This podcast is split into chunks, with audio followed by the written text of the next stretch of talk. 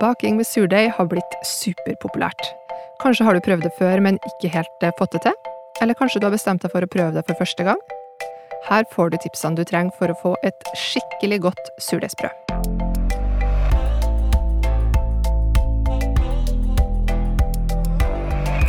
Det her er Matpratpodden. Jeg heter Lisa Ekli, og i dag skal det altså handle om det nydelige, sprø og smakfulle surdeigsbrødet. Og nå er vi så heldige å være i selskap med to damer som har gravd seg meget dypt ned i det her fagfeltet, nemlig matprateksperter Torunn Nordbø, fagsjef for brød og korn, og Anette Fjelleng Hansen, matfaglig teamleder. Velkommen i studio. Tusen takk. Takk. Nå gleder jeg meg veldig til å få eksperthjelp på dette feltet, for det er jo et litt mystisk eh, fagfelt det her. Eh, Torunn, hva er det som er ditt forhold til surdeigsbrød? Jeg elsker jo surdeigsbrød, ja, og særlig den sprø skorpen. Mm. Så inntil for to år siden så kjøpte jeg den helst på bakeriet. Jeg har forsøkt meg å lage surdeig flere omganger. Gjorde det første gang da vi kom med bakeboken Nybakt i 2008. Eh, Da syntes jeg det var skrekkelig vanskelig, og vi hadde en surdeig som var veldig stor også, som krevet mye tid og mye ressurser. Mm. Så prøvde jeg meg igjen, og så når vi skulle igjen med ny bakebok, Grovt, i 2015, så er det en litt ny og litt annen eh, oppskrift, og da klarte jeg å holde i det, den i live i to år, men så, så glemte jeg den, det ble andre ting som holdt på. Så, men, endelig, ja. Endelig kom koronaen! Når landet stengte, så ble det jo liksom Fikk jeg jo ekstra tid.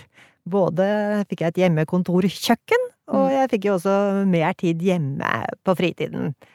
Eh, Så da hever jeg meg på bølgen igjen. Det var jo også mye spørsmål eh, etter eh, hva dette med surdeig, Mm. så jeg følte at det var viktig å lære meg å, å kjenne litt selv på dette. Mm. Og nå, de siste to årene, så baker jeg flere ganger i uka, og familien er blitt vant til at det dufter nybakt før frokost. Ja, for det er jo mange som har kasta seg på det her nå i det siste, og du Anette vet jeg har en litt annen tilnærming til akkurat det med surdeig. Ja, altså, jeg har jo òg holdt på i en god del år nå, det begynner å bli det. Eh, og det er jo noe som man definitivt, som Torunn sier, man blir jo liksom hekta på det her. Det er jo det som er skummelt. Man begynner bak og tenker at det her skal jeg ikke bruke så mye tid på, Man så går det tid, og så blir man fanga i det. Eh, og jeg har jo bakt veldig mye forskjellig brød. Eh, jeg har brukt Altså, jeg har hatt litt sånn mer sånn ikke bakt det for å spise det til frokost og hjemme og hatt brødskiver på, eh, i matpakken, liksom. Jeg har bakt det for at det hele tida skulle bli høyere og større luftlommer og bedre og finere mønster og mer eh, i forhold til utseendet, da. Eh, så eh, prøvd masse ulike typer mel. Noen ting funka, noen ting funka ikke. prøvd ulike typer teknikker. Bretting, ikke bretting. eh, Elting, ikke elting. Eh, og ja, jeg har liksom hatt en sånn ønske om å perfeksjonere for hver eh, eneste gang, da. Ja. Eh, så det smaker jo selvfølgelig godt, og jeg elsker jo òg surdeig overfor eh, over andre brød, på en måte òg, men eh, Det skal se bra ut. det skal se bra ut Ja. òg. altså her er det jo litt forskjell da, på hva man eh, gjør det for, tenker jeg, om det er det indre eller det ytre som teller når man skal bake surdeigsbrød. Ja, det er jo mange grunner til å, å bake surdeigsbrød, og de fleste gjør det nok eh, for smaken, og her må man jo bare finne ut det som passer seg sjøl best, liksom. Det er jo ikke alle som gidder å stå og nerde sånn som meg, når man ønsker liksom å hele tida bare kunne være bitte litt sprø sprøere, eller bitte litt sånn. og- Ja. Eh, men eh, og Torunn, hun bruker jo maskin og elter brødene i maskin. er Jeg elter for hånd. Hun lager ofte grove brød, jeg lager bare fine brød. det, er, det er helgebrød det, Mhm. det er hjemme hos meg. Og lager det mest sånn for at jeg syns at det er veldig godt, da. Eh, men det er liksom litt hverdag eller fest. eh, Det, det, men det blir et prosjekt, på en måte. Eh, det blir det. Og, og så får man jo velge sjøl om det er smaken eller utseendet eller begge deler som jeg kan ikke se at det her smaker ondt. Nå sitter jeg og peker på brødet her som vi har bakt. Vi har, vi har jo faktisk bakt kvartbordsbrød til, til denne podkasten. De, de ser bra ut, men de smaker òg veldig bra. Ja, og jeg må jo skyte inn at jeg er også opptatt av estetikk, da. Det er jo viktig for meg at det ser bra ut, Mm. men hos oss er det også blitt et hverdagsbrød, og da er det viktig at det er eh, Litt grovt. Ja, ja. Så uansett da, om du er mest opptatt av det indre eller ytre, eller begge deler, så er det jo noen steg på veien som er likt, som du må ta utgangspunkt i. Eh, og da kan vi starte med ingrediensene, Torunn. Ja, og et surdeigsbrød kan faktisk bare ha fire ingredienser. Og her er jo det aller viktigste er jo å ha en god surdeigstarter som du bruker som hevemiddel i brødet, i stedet for vanlig gjær. Og, og den kan du lage selv, eller eh, få en avlegger fra en venn eller et bakeri. Jeg har eh, tre ulike startere som jeg bruker til ulike brød, og de oppfører seg litt forskjellig. Jeg mater de også litt forskjellig. Eh, Og før jeg baker med dem, så gjør jeg starteren aktiv. Ja, og som Torunn sier, så kan du jo lage starteren sjøl. Det tar jo en eh, åtte til ti dager, så man kan jo sette av litt eh, tid, men det er jo forholdsvis enkelt å lage det sjøl. Og du trenger jo egentlig bare å blande mel og vann. Eh, Og så er det jo da mikroorganismene i melet og sånn som finner Som er med på å danne denne eh, surdeigskulturen. Og starteren, den lever jo, eh, så den må jo mates og holdes i live og pusles med, og det er jo liksom koses litt med, og, og det er jo liksom den her, eh, for de som er såpass eh, gamle at de husker det, den her Tamagotchien som man tok vare på og lufta, og jeg vet ikke hva. Vi har jo hatt våre startere på både luftetur og, og matetur. Ja, for den, den her surdeigsvennen, da, den skal jo mates, og det er jo litt sånn ansvar, kjenner jeg. Ja, altså min familie syns kanskje jeg bruker litt vel mye tid på surdeigstarteren, og, og kaller den min nye baby. For uh, den trenger jo mat eh, både om du baker ofte eller sjelden. Men vil du lage en egen starter og få gode tips, så kan du sjekke ut den episoden der vi snakker om starteren fra A til Å. Em, og da hadde jeg da mel, som er ingrediens nummer to. Uh, hva slags mel er det best å bruke her, Torunn? Altså, surdeig kan jo brukes både til grov og fin bakst, og det betyr jo at du kan bake med alle typer mel av hvete, rug, havre, bygg, emmer og andre urkorn, og både siktet og, og sammalt. Alt etter hva du liker og hva du har i skapet. Ja, og ønsker du et eh, stort surdeigsbrød med store lom luftlommer, så Mm. er det nok enklest å bruke siktet hvetemel. Mm. Og det er jo mye forskjellig man kan bruke, altså både med tanke på eh, grovhetsgrad og eh, på bakeevne òg. Eh, skal du ha et godt fermentert surdeigsbrød eh, med de her store luftlommene, da, så bør du bruke et sterkt hvetemel. Og da er et, eh, et sterkere hvetemel har gjerne et høyere proteininnhold, eh, sånn at du får et mer stabilt eh, mel da òg. I tillegg så vil det sterke hvetemelet kunne absorbere mye mer væske, så du kan ha høyere hydrasjon på brød, du kan ha mer vann i brød, og da får du òg mye større luftlommer og mer porøst, eller litt sånn luftig brød, da. Den her melstyrken, den kan du ofte lese på pakken, så du kan jo se på melpakken og se om det er ulike typer melstyrker. Den måles jo gjerne i det, Jeg vet ikke helt eh, det, Den måles i W, altså det tegnet W står jo der, men akkurat om det er en, en, et navn på det her, det kommer jeg ikke på i farta. Eh, men eh, da kan du jo ha et eh, mel alltid fra 150-200 gram eh, melstyrke. Og da det er jo ikke så veldig Det er en del svakere enn hvis du for eksempel kjøper et mel som har 300-350 gram i melstyrke. Mm. Så kan man jo òg eh, se på proteininnholdet i melet. Eh, har det 9% proteininnhold, så er det ikke så sterkt som hvis det har ifra eh, 11-12 opp mot 16 eh, proteininnhold. Og eh, her kan man jo prøve seg litt fram. Eh, du kan få et bedre og mer fermentert brød med et eh, sterkere mel og med høyere proteininnhold. Så det er lurt å liksom teste litt ulike forskjellige eh, meltyper, syns jeg, da. Og da har jeg jo erfart at, at hvis du fermenterer for lenge og har et mindre sterkt hvetemel, så klapper brødet sammen, og du ender opp i skuffelse framfor, Ja. framfor at det blir veldig luftig og bra, da. Vi får jo ofte spørsmål om dette med mel, Mm. og, og jeg vil jo si det at eh, det er helt greit å bruke helt vanlig mel, Mm. men gjerne bruke ulike typer for å få forskjellig smak på brødet. Mm. Og også, som vi har vært inne på, dette om man vil ha et fint kosebrød eller et eh, grovt Ja. hverdagsbrød. Ja. Bare husk at man ikke liksom fermenterer og altså lar det stå for lenge hvis man vet at man har et svakt brød. Da er det Mm. bedre å på en måte eh, la det heve litt kortere tid og få ja, luftig. Så proteininnholdet i hvetemelet har mye å si. Mm. Det er også et enzym som heter amylase i melet, som spalter stivelsen til sukker. Og når melkesyrebakteriene spiser sukker, så danner de melkesyre og eddiksyre. Og det er det som gjør at pH-en synker og at deigen blir sur. Mm. Og, og det er denne prosessen som gir surdeigsbrødet den karakteristiske syrlige duften og smaken. De er bra. Da er vi på neste ingrediens, som da er vann. Ja, vann, eller da hydrasjon, og hydrering av deigen, som vi sier når vi eh, baker med surdeig. Da er den prosentandelen, eller den mengden vann som melet evner å absorbere, da. Ja. Akkurat når vi snakka om mel her nå nettopp, så sa jeg jo da kanskje at, at et sterkere hvetemel vil kunne klare å absorbere mer vann.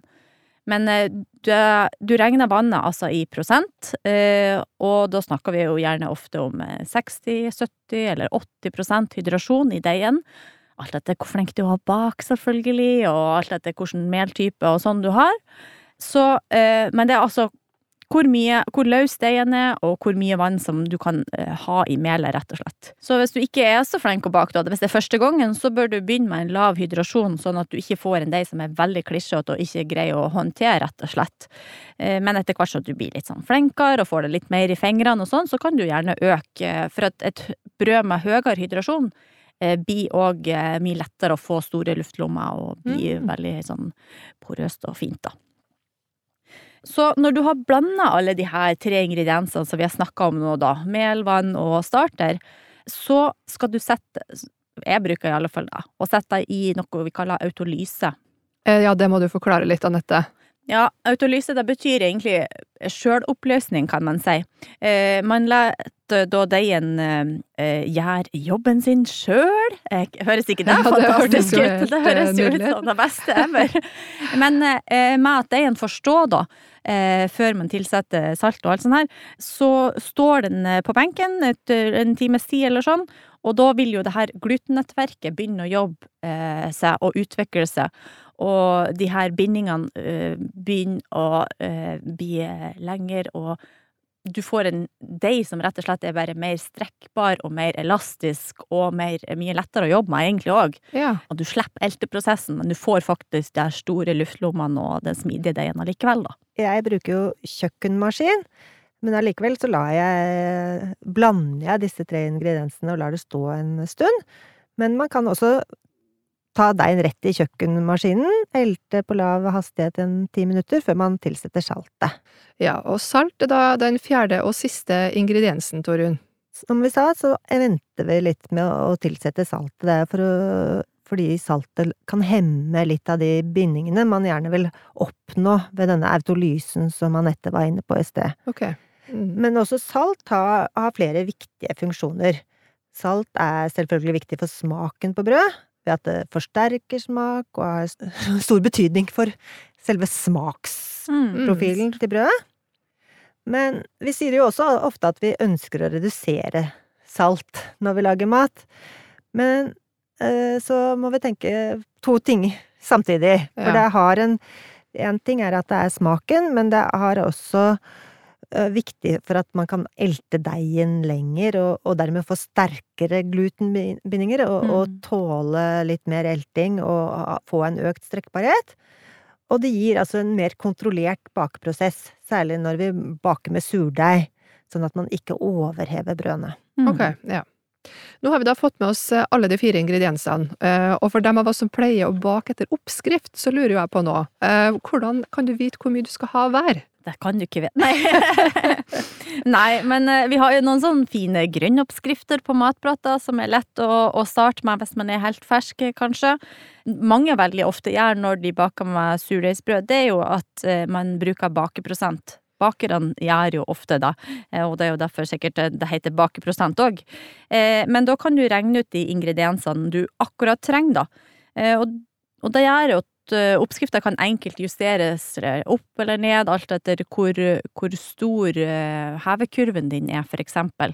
Har du en liten kurv, så kan du jo, og du finner stor oppskrift, så kan du jo eh, få et veldig stort brød i den lille kurven. Det er jo ikke så bra. Eh, men når man regner bakeprosenter, så tenker man i alle fall at eh, melet, altså den mengden mel som er i brød, det er 100 eh, Og så regner man prosent av melet, eh, prosent vann, prosent eh, starter og prosent salt. Og som jeg sa i stad, så var jo hydrasjon og de her prosentene jeg snakka om i stad, det er jo andelen vann av melet, på en måte. Ja. Så hvis man skal gjøre det enkelt da, å forklare og enkelt å regne ut Hvis man har 1000 gram eh, mel, som er 100 da, og 75 gram eh, vann, så er det 750 gram. For da er det tus, altså 75 gram av 1000, da, eh, som blir 750 gram eh, vann. Og så bruker du ofte å regne ca. 20% starter og ca. 2 eh, av eh, salt i oppskrifta, da. Eh, det blir jo da 1000 gram blir jo veldig stort brød, eller ja. to litt mindre normale, sånn som vi har her. Men eh, står du med kalkulatoren av dette når du baker? Nei, det er hoderegning. Bare hoderegning jeg bedriver.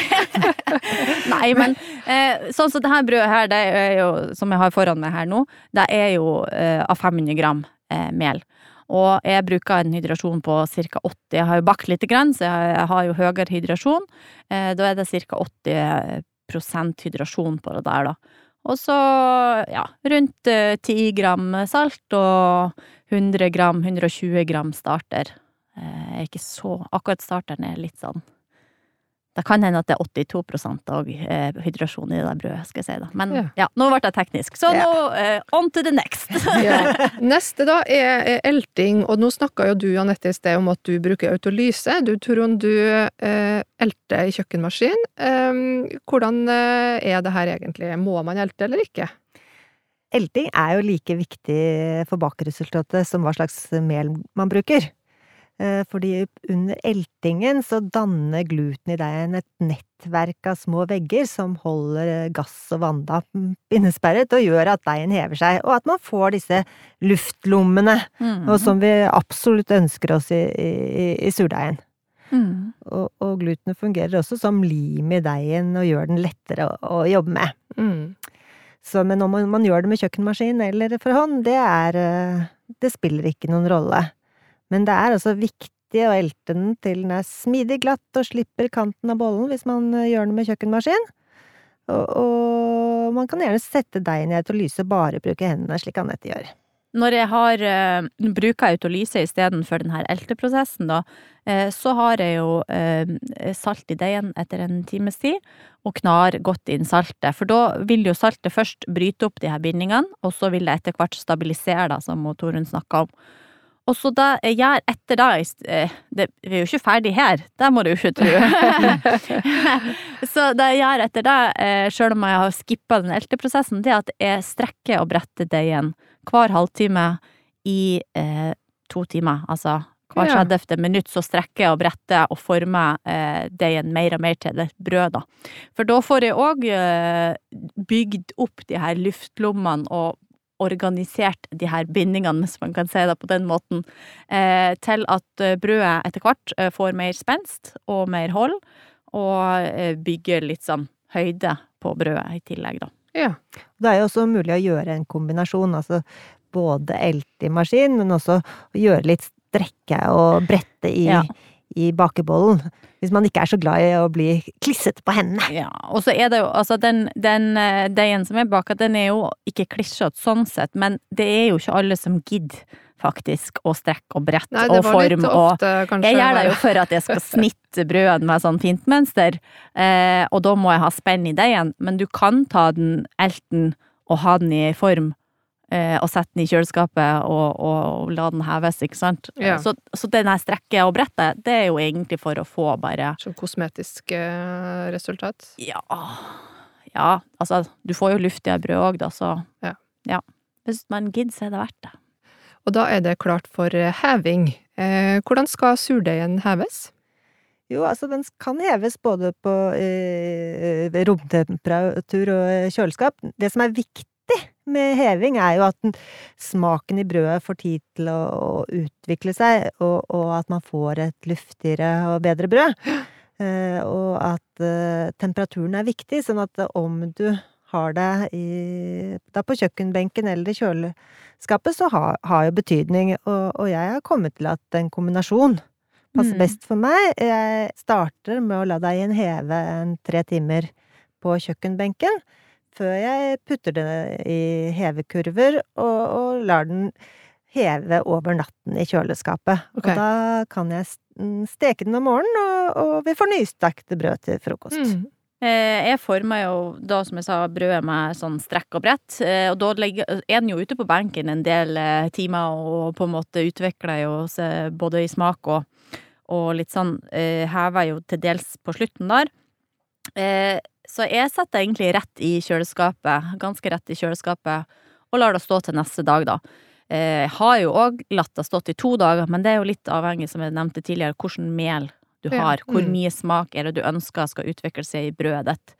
Og så tar jeg det ut eh, litt, noen minutter før jeg skal steke det, egentlig, for jeg liker jo snitt, og da er det litt bedre at brødet er kaldt. Men for å teste om brødet er ferdigheva eller ikke, Eh, så kan du jo ta en liten sånn eh, fingertest, eh, og bare trykke litt på brødet. Og hvis brødet da Hvis du trykker ned, og den fylles veldig nå skal jeg passe på at jeg sier det riktig her. Hvis du trykker ned, og den fylles veldig raskt igjen, den gropa du trykker ned, så må det heves litt mer. Og hvis du trykker, og den fylles sakte, så er den liksom klar for steking. Okay. Jeg opplever jo også at eh, ved å heve i kjøleskapet, så blir den litt mer stabil. Altså hvis du Du må på en måte passe mye mer på hvis du bare skal heve den i romtemperatur. Ja. Men når man hever den over natten ved en sånn lavere temperatur, så, så er den klar. Mm. Ja. Og før vi skal steike brødet, så pleier jo du, Anette, å snitte det, og det er jo noe du mm. virkelig er ekspert på, det ser jo ut som et kunstverk. Er det så vanskelig som det ser ut? eh, ja, det jeg vil si, øvelse gjør mester. Jeg har snitta noen brød som ikke ble like mye kunstverk, eh, så det spørs liksom, men man lærer seg noen triks etter hvert, ja. Eh, og man må jo ikke dekorere brødene eller sånn, men de smaker jo like godt uh, uten, sånn som vi har snakka om. Eh, men hvis du nå har lyst til å snitte, så er det jo det å nettopp få den spensten og den, det holdet i den brødet som du har um, strekt og bretta og sånn.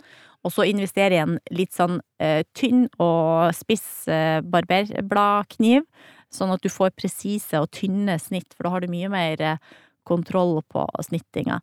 Og da kan du jo dekorere enten med å bruke bare av egen fri fantasi, eller bruke eh, en sytråd, eller pepperkakeform, eller eh, noe, eh, En grillpinne for å tegne opp et mønster, og så snitter du deretter. Og de her små dekorsnittene, de kan du ha ganske sånn tynn og, tynn og ikke så dypt nedi.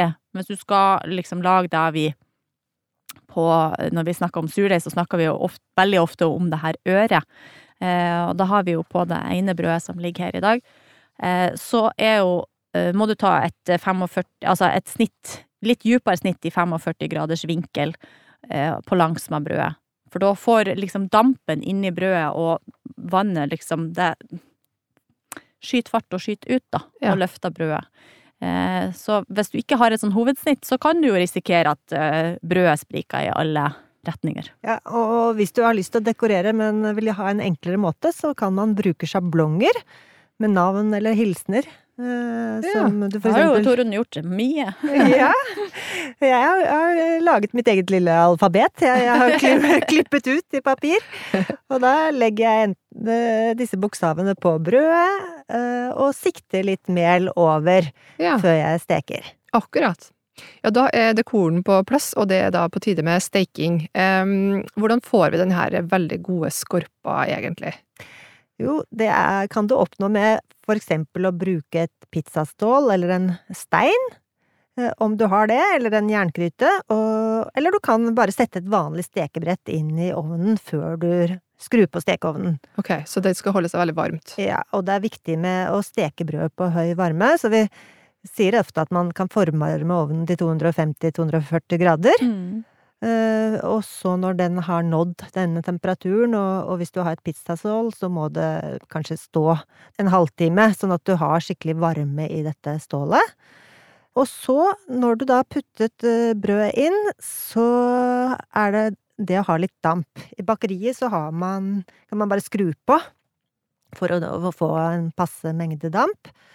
Eh, og det har jo også kommet eh, en del sånn komfyrer til å ha hjemme. Ja, Med dampen. Mm. Men hvis du har en helt vanlig komfyr, så, så kan du ha en langpanne under, nederst i, i, i stekeovnen, og så kaste på en desiliter eller to varmt vann i, i denne langpannen, og, da, og lukke døren fort, slik at ikke dampen går ut. Ja. Og så la det stå sånn i 10-20 minutter, før du slipper denne ut.